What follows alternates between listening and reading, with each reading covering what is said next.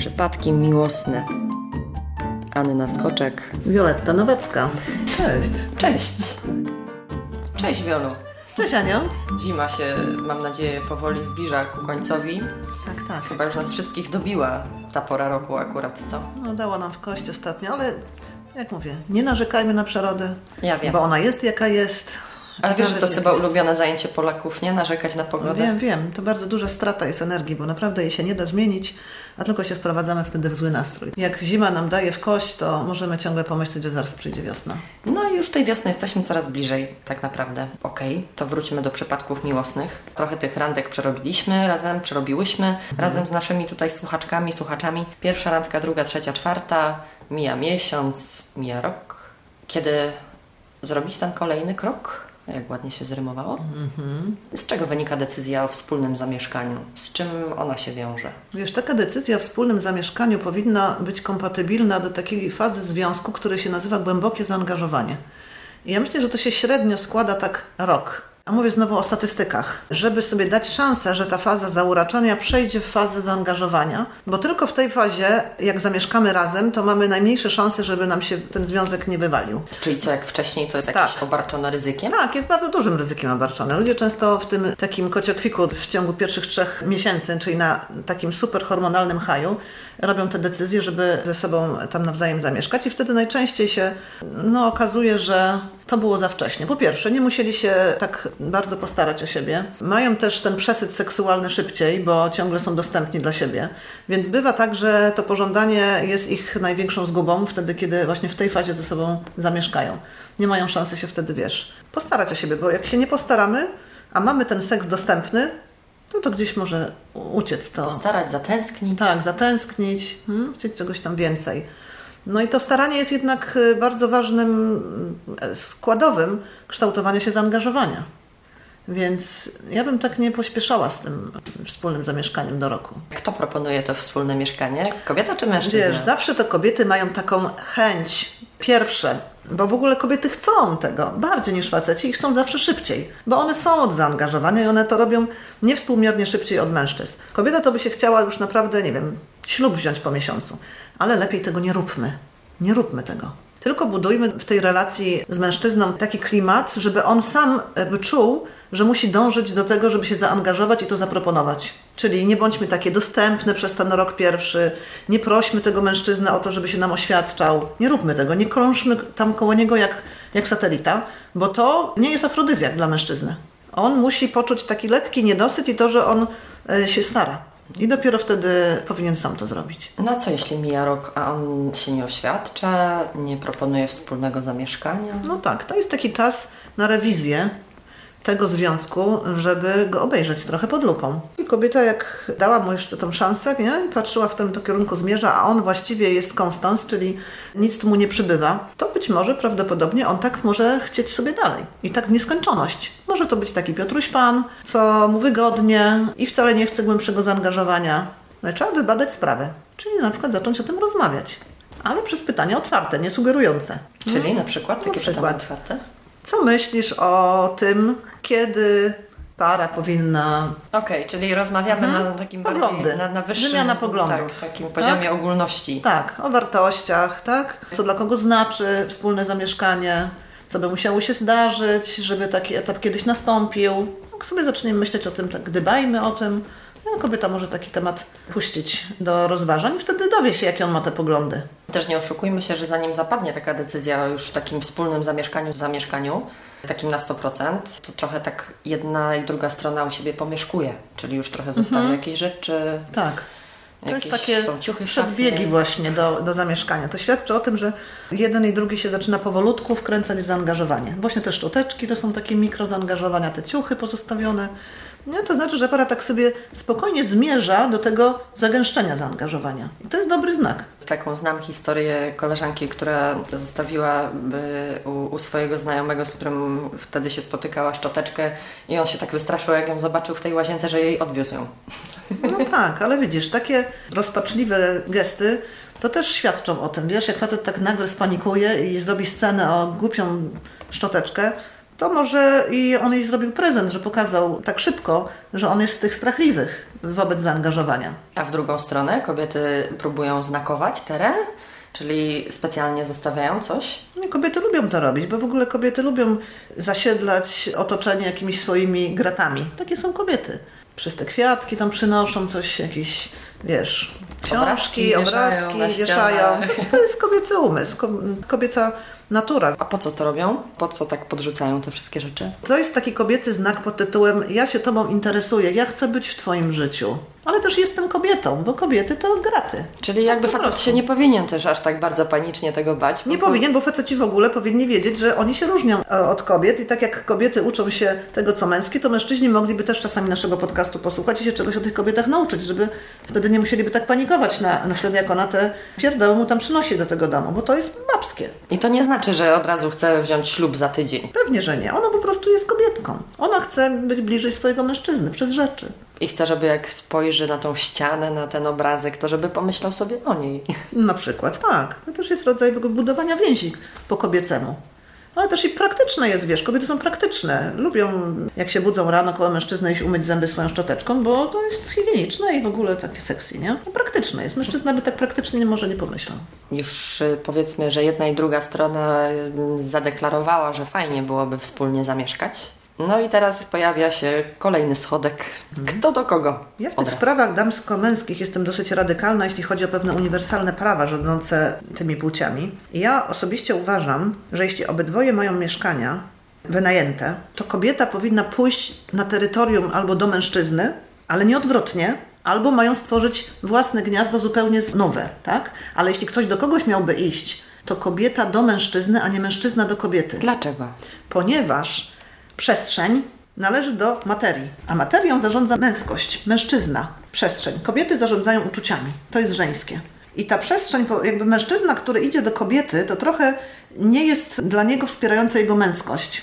Bo kobieta, y, wiesz, ma wtedy więcej i to ona tam rozdaje karty, ale w takim tym niezdrowym wydaniu męskim. Ona się tam czuje decyzyjna, dominująca, A on jest trochę gościem. a on jest trochę gościem, trochę jakby też paziem, trochę się czuje jak chłopiec. I wtedy jest tam taka nierównowaga tego, co męskie, co żeńskie. Ona jest się trochę staje bardziej męska, bo bierze tą odpowiedzialność. Nawet nieświadomie, bo Nieświadomie, tak, nie bo, to, bo kobiety tego tak jakby nie czują. Natomiast w dłuższej perspektywie to się tak robi, że się robi taka nierównowaga, na jej barkach spoczywa więcej wtedy, jak ona to terytorium serwuje mężczyźnie. Terytorium ma serwować, troszczyć się o to, czy proponować mężczyzna, a on ma to tworzyć. A kobieta tam wnosi serce, wnosi tam swój ład, wnosi dobre samopoczucie. Czyli może się okazać, że właśnie przy podejmowaniu tej decyzji już przy przenoszeniu tych swoich rzeczy, to jeśli się ten transfer odbędzie facet do, do kobiety, to trochę tak, że tak powiem, pozbawimy go męskości. On też nie będzie wtedy chciał się angażować, bo to gdzieś podświadomie y, robi mu się taka dziurka na jego ego, zauważyłam. Że mężczyźni, którzy tak zrobili, trochę by utknęli w tym przedziale tego związku.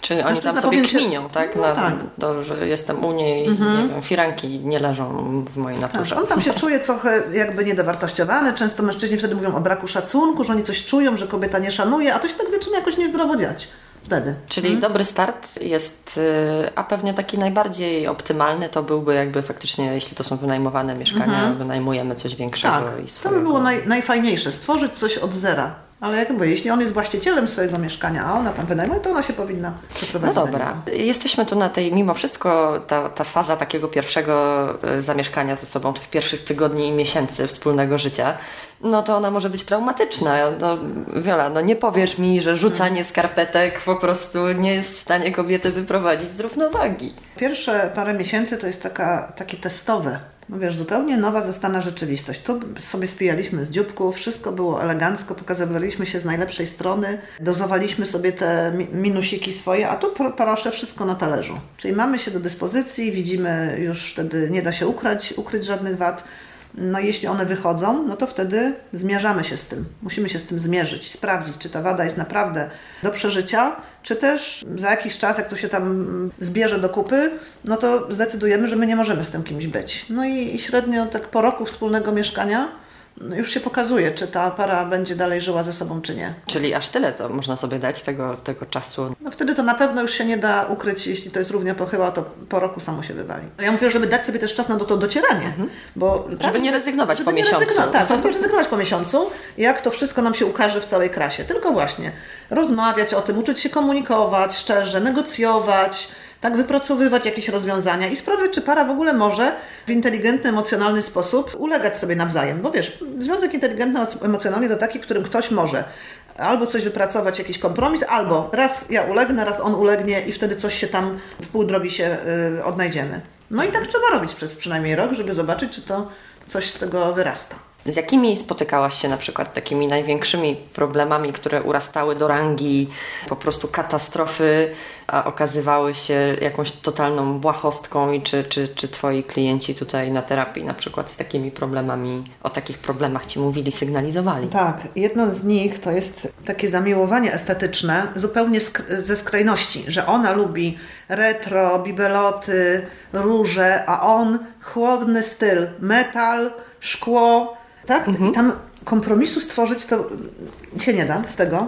Chociaż zdaje się, że próbowali coś tam stwarzać, no ale to było coś takiego, że o to się im y, w ogóle poszło. O takie rzeczy Tak. może się wywalić związek? Tak, bo jeśli ktoś ma na przykład estetykę bardzo wysoką w wartościach, a oni zdaje się byli jakimiś artystami, to dla nich wysoka wartość. Część to- osobowości Tak, część no. osobowości właśnie ważna. To wszystko zależy, jak ważna jest to wartość, którą to reprezentuje. Więc dla drugiego mogłoby to być błahe. Dlatego ja nigdy nie, nie jestem za ocenianiem, czy to jest błahe, czy nie błahe, bo dla tej pary może to być najważniejsza wartość, o której oni tą y, kruszą kopię. Zdaje się, chyba się podzielili później, że jedno pomieszczenie było dla je- jednej osoby właśnie w tym stylu, No to fajnie, że wymyślali takie, takie e, jakieś rozwiązania, bo to wydaje się bardzo trudne przy tym.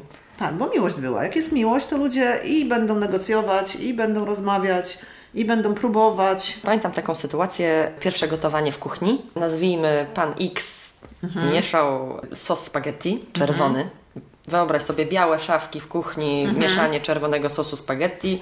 Wziął łyżkę i zaczął nią klepać o brzeg garnka. I ja pamiętam, że widziałam ten moment, miałam wrażenie, że widzę go jak w zwolnionym tempie i widzę te czerwone kropki Wszędzie. na mojej białej, pięknej kuchni. I po prostu szczerze, wewnętrznie mi się gotowało. No tak, zamiłowanie do porządku to też kolejny gwóźdź do trumny związku, czyli jak to rozumie czystość i porządek. To są takie przyzwyczajenia, które często już w dzieciństwie kształtujemy, to podejście, co uważamy za standardy czystości. No i wiesz, jeśli on y, ma takie skrajnie inne niż ona, pedantka na przykład, no to tutaj może być naprawdę kawał nieszczęścia. Ale jak mówię, wszystko zależy od dobrej woli i od komunikowania się, i od ćwiczenia, i od próbowania. A o co chodzi, Nawet- Wiola, z tymi skarpetkami? Dlaczego faceci je zostawiają wszędzie? Mężczyźni inaczej traktują przestrzeń, moim zdaniem. Dla nich to jest jakby praktyczne bardziej, tak, że tam, gdzie stoją, tam zostawiają coś. Nie? Kobiety potrzebują coś szufladkować, mieć jakieś kategorie czegoś. To ta lewa półkula kobieca, właśnie ta, która lubi właśnie systematyzować, a mężczyźni właśnie moim zdaniem tutaj nie. I dlatego co oni mają, robimy dlatego wtedy? moim zdaniem oni się częściej zabałaganiają na śmierć. Dobra, mamy już taką sytuację. Wchodzimy do domu po pracy i widzimy na pierwszym kroku leży skarpetka, dalej leżą spodnie, koszulka też gdzieś rzucona w, Mhm. w kąt. Jak rozwiązać tę sytuację, żeby się nie pozabijać? Najważniejsze jest to, jak kobiety zgłaszają swoje niezadowolenie z powodu tych różnic. Zazwyczaj to od kobiety zależy, jak ona to będzie mówić, żeby facet się nauczył. I kobiety robią podstawowy błąd. Narzekają i krytykują. Na dzień dobry, jak zauważają problem. Narzekają i krytykują. Kobiety powinny się w ogóle tego oduczyć, bo to jest komunikacja, która dla mężczyzny nie idzie, nie idzie w parze, żeby się z nim dogadywać, z mężczyzną. On zawsze będzie albo walczył, albo uciekał od takiej komunikacji. Więc kobiety powinny wziąć sobie głęboki wdech i przypomnieć sobie, jak powinna wyglądać komunikacja niezadowolenia kobieta w stosunku do mężczyzny. I ona zawsze powinna wyglądać mniej więcej tak. Na początek. Kochanie, byłabym taka szczęśliwa, gdybyś te skarpetki zawsze wkładał i tutaj pokazała gdzie. Czyli pokazała jest bardzo ważne, powiedziała kochanie i wyraziła swoją potrzebę. Oraz to, że ona by się czuła szczęśliwa, bo mężczyzna jak słyszy, że kobieta by się czuła szczęśliwa, to już nie słyszy, co tam dalej ma zrobić, tylko on chce, żeby ona była szczęśliwa. Byłoby mi tak miło, gdybyś. I tutaj powiedzieć, co ona by tam chciała, czyli wyrazić życzenie, a nie zastrzeżenie. Przy czym patrzeć mu w oczy, czyli go zaangażować, bo musi być zaangażowany. Tu patrzy w oczy, tu słyszy pozytywny komunikat. Czyli nie mówimy do dostaje... niego, jak ogląda mecz w telewizji. Nie, on musi być tak skoncentrowany, musi na nas patrzeć, większa szansa, że przyswaja. Poza tym musi mieć wtedy to podane w dobrym nastroju, żeby mu się chciało współpracować z kobietą, a właściwie ją uszczęśliwiać. Tak? I musi być podana instrukcja, gdzie i jak, bo kobiety często nie podają tej instrukcji. Nie pokazują miejsca, gdzie to ma być zrobione. A mężczyzna musi być konkret. On musi mieć instrukcję. A co jeśli już trzeci, czwarty raz jakby dajemy mu tę instrukcję i nadal się nic nie zmienia? Tak, wtedy po trzech razach pora na inne narzędzie. Bo do trzech razy sztuka jeszcze sprawdzamy, czy on dobrą wolą tutaj, czy to na niego zadziała. Jak widać, tutaj jest on uporczywy i z jakiegoś powodu to nie idzie. I trzeba się dowiedzieć z jakiego. I znów, kobieta mądra, ma duży repertuar pytań, przy czym dobre pytania to nigdy nie zamknięte i nigdy nie zaczynające się od czy. Więc może go zapytać. Kochanie, otwartym pytaniem. Jak myślisz, Dlaczego tak jest, że trzy razy prosiłam cię, mówiłam ci o tym hmm? i nadal robisz to i to? Jak myślisz, czemu tak jest? Czyli tak zwane pytanie coachingowe, otwarte do mężczyzny, żeby go zachęcić, ale też w dobrej atmosferze, żeby on sam wymyślił tą odpowiedź, dlaczego mu to nie idzie. I wtedy on się skłania do myślenia, o proszę, został zaproszony do myślenia, znowu ma zadania, mężczyźni lubią mieć zadanie i może doniesie odpowiedź i zwiększa szansa. No ja może chociaż zda sobie sprawę z tego, że nie ma logicznego wytłumaczenia na to, co robi. Tak, ale to też jest refleksja, do której jeśli on nie będzie przy, przyciskany, jak sam wpadnie na to, to wiesz, to się zreformuje mężczyzna. A jak będzie zawstydzany, wiesz, tam puszowany, no to wcale nie będzie chciał tej refleksji popełnić. Oczywiście, że rozmawiamy tak po babsku, ale kobiety pewnie też robią błędy przy pierwszych dniach, tygodniach wspólnego zamieszkania. Jakie to są błędy? To zależy też jak na jakiego mę- mężczyznę się trafi, bo jak na pedanta na przykład, to zostawianie włosów w wannie albo tam tych czy- y, włosków po goleniu gdzieś, nie opłukać wanny, a on taki obrzydliwy. Też może Miłość być może pole przejść. konfliktu. Aż Tak, tak, tak. że może mu miłość Wiesz, przejść. wiesz, to zależy, im większy poziom pedanterii, tym szybciej przechodzi miłość, więc z pedanterii też się powinniśmy leczyć. Tej takiej właśnie nadmiarowej, która robi nam takie zawsze skrajne emocje, nie? I każe y, tą czystość uważać za Boga. No to takie niezdrowe jest. Jak się leczyć z pedanterii? Nabałaganić i zostawić? Ale mówisz leczyć co? On? Jak ma się Nie, leczyć jak z się tego? tak czy- ogólnie może porozmawiajmy o tym. To ciekawy temat w kontekście wspólnego zamieszkania. A to, no a to słuchaj, nie, to ta osoba, która ma te wysokie standardy, musiałaby uznać, że one są za wysokie i że to nie chodzi o to, żeby tylko krytykować y, drugą osobę, że ona jest bałaganiara. Bo wiesz, jeśli ktoś się uprze, że to mm, ktoś bałagani i nie chce mieć wglądu na temat swojego, swoich standardów czystości, to w życiu nie wpadnie na to, że jest pedantem, nie? Jak ciągle będzie tylko na, narzekał na tą drugą stronę i mówi, że ona ma się zmienić. Ale y, najważniejsze, żebyśmy sami się zorientowali, czy ten poziom oczekiwań względem czystości mi samemu już też nie zaczyna przeszkadzać. Jeśli ciągle wokół tego jest temat, jeśli się ciągle czujemy, nie wiem, źli z powodu tego, że nam jest tu brudno wiecznie, a teraz jeszcze z tym partnerem jest podwójnie brudno i że przez to nie da się być szczęśliwym, no to może pora się przyjrzeć temu kawałkowi w sobie. Może już wcześniej ktoś o nas tak powiedział i tylko ten związek to jakby unaocznił albo nawarstwił. Rytuały. Każdy mieszkający sam dorosły człowiek ma swoje rytuały. Tak, to prawda. Jesteśmy... I mamy teraz jakby zbitkę dwóch. Co, co tam się może wydarzyć? No wiesz, przede wszystkim ludzie spotykając się na wspólnym te terenie, czasami zaczynają sobie wchodzić w drogę, jak mają te rytuały, które się tam krzyżują. Tak? Jeden lubi siedzieć pół godziny w łazience i drugi też o tej samej porze, no i mamy tutaj konflikt. No więc to też zaprasza do rozmów, e, zaprasza do negocjacji, ale częściej, wiesz, ludzie się kłócą, nie? Niż, niż wpadną na pomysł, że można zacząć negocjować albo przynajmniej rozmawiać, bo każdy myśli, że jego nawyk jest lepszy. Tak? No I tak. się rozpychamy. Że to on ma normalne nawyki, a ta druga osoba jest jakaś tak. dziwna. Ludzie zawsze myślą że o sobie, że jesteśmy w porządku, a reszta świata jest zła. Taki mamy niestety kawałeczek. Czyli jeśli wchodzimy sobie w drogę, to o tym rozmawiamy, a może fajnie i warto byłoby przejąć niektóre rytuały od siebie? Tak, no wiesz, para inteligentna emocjonalnie także się od siebie uczy. Tak? Po to są różnice zresztą, że można się albo pokłócić, ale lepiej się nauczyć. Jeśli to jest inspirujące, jeśli to mnie rozwija, jeśli to mnie ciekawi, to świetnie jest się uczyć od partnera. Jestem za, mm, żeby sobie to przemyśleć, czy to nie jest czasami lepsze od tego, co ja robię. Rytuały, czy generalnie takie przyzwyczajenia, które irytują. Oglądanie telewizji, oglądanie meczów piłkarskich, granie w gry. Mówię tu z perspektywy babskiej. e, O, z perspektywy faceta, może nie wiem, długie e, rozmowy przez telefon jego partnerki z, z O koleżankami. Tak, to irytuje facetów, tak. No. I co zrobić, jak mamy takie irytujące z kolei dla drugiej osoby przyzwyczajenia? Za- Zanim zna- znajdziemy jakiś kompromis, gdzie jedna strona musi trochę ustąpić, druga ustąpić, to są czasami takie rozwiązania trochę lepsze niż kompromis, bo kompromis to tak trochę każdy traci. Ale na przykład, jeśli komuś przeszkadza rozmawianie we wspólnej przestrzeni, to ma prawo przeszkadzać, bo każdy, wiesz, ma swoje uszy i, yy, i swój układ nerwowy, a przestrzeń jest wspólna. Więc niektóre rzeczy trzeba wynieść z tej wspólnej przestrzeni do tej wyodrębnionej. Te właśnie, które yy, jeśli jego denerwuje gadanie przez telefon, to ja idę wtedy do sypialni gadać. I to jest inteligentne emocjonalnie zgodzić się na to, że we wspólnej przestrzeni nie będę narzucała swoich nawyków. Tak samo on, nie? Na przykład y, ogląda te mecze bezustannie. No to ja jestem za tym i to jest we wspólnej przestrzeni, bo na przykład w salonie to dobrze by było się z nią umówić, że na przykład może to oglądać w słuchawkach. Jeśli on chce częściej oglądać rzeczy, które jej uszom wadzą powinna para wpaść na to, że tutaj trzeba trochę się dostosować, bo wspólna przestrzeń wymaga szacunku dla przyzwyczajeń obu stron. Więc albo się wy wychodźmy do tej indywidualnej przestrzeni, on może się też wynieść, nie wiem, ze swoim małym tabletem do, do tej sypialni i tam sobie też te mecze oglądać, nie? Nie musi hałasować. Rozwiązań jest tyle, ile problemów tak naprawdę. Tak, dobra wola jest potrzebna. Tak. I nie rozpychanie się łokciami, czyli przeświadczenie, że moje jest lepsze od Twojego, bo to zawsze rujnuje związki. Jeśli sobie uzurpujemy. Mówiłaś kiedyś o tej zasadzie trzech miesięcy, e, że trzy miesiące człowiek jest w stanie coś tam poudawać. Czy to też dotyczy wspólnego zamieszkania? Pewnie. Najgorsze historie tych różnic e, się po trzech miesiącach dopiero dzieją, a nie od razu. Hmm, bo wtedy jeszcze... Czyli na początku trochę się staramy. Tak, staramy się, zaciskamy zęby, mówimy jakoś to będzie. Wiesz, tą silną wolą się trzymamy, mamy jeszcze tą nadzieję, że to się może zmienić cudem. Czyli tak trochę jeszcze gramy, a potem już się nie da. Jeśli coś nawarstwia, nawarstwia, to każdemu człowiekowi w końcu coś się uleje. I po trzech miesiącach mamy wybuch tak, bomby kłótnie, atomowej. Tak, kłótnie, tak, już wtedy ten seks nie, nie da rady posłodzić nim, nie? Ale nie da się ukryć, że ta taka decyzja i wizja wspólnego zamieszkania z drugą osobą po jakimś czasie mieszkania samemu może być paraliżująca.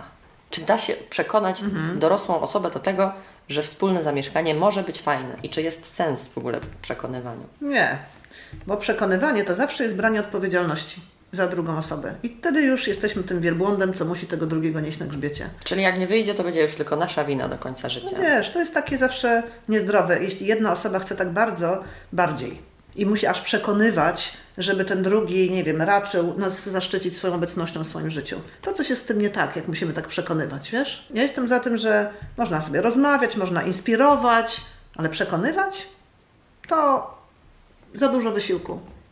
To i tak z nawiązką nam odda to, że on się zgodził pod naszym naciskiem. I czasami tacy mężczyźni się zdarzają w, w naszym życiu, tacy odąsani, że zostali za ucho przyprowadzeni do związku. I to się nie opłaca związek z takim mężczyzną. Będziemy nieszczęśliwe z takimi. Bo oni nie biorą odpowiedzialności za zaangażowanie wtedy. Wy nie organizujcie życia nie, za swoim nie. facetom. Związki mogą być lżejsze. A my, my będziemy Wam organizować za te kolejne y, odcinki przypadków miłosnych. Bardzo Wam dziękujemy za to, że jesteście z nami i za to, że wpuszczacie nas do swoich domów, mieszkań. To fantastyczne. To bardzo inspirujące. Bardzo za to dziękujemy. Prosimy Was o lajki, komentarze, o serduszka, nie wiem, gwiazdki, zależy gdzie tego słuchacie, ale każdy taki wyraz Waszej sympatii w naszym kierunku jest dla nas bardzo cenny. Dziękujemy. Do usłyszenia za tydzień. Trzymajcie się. Pa.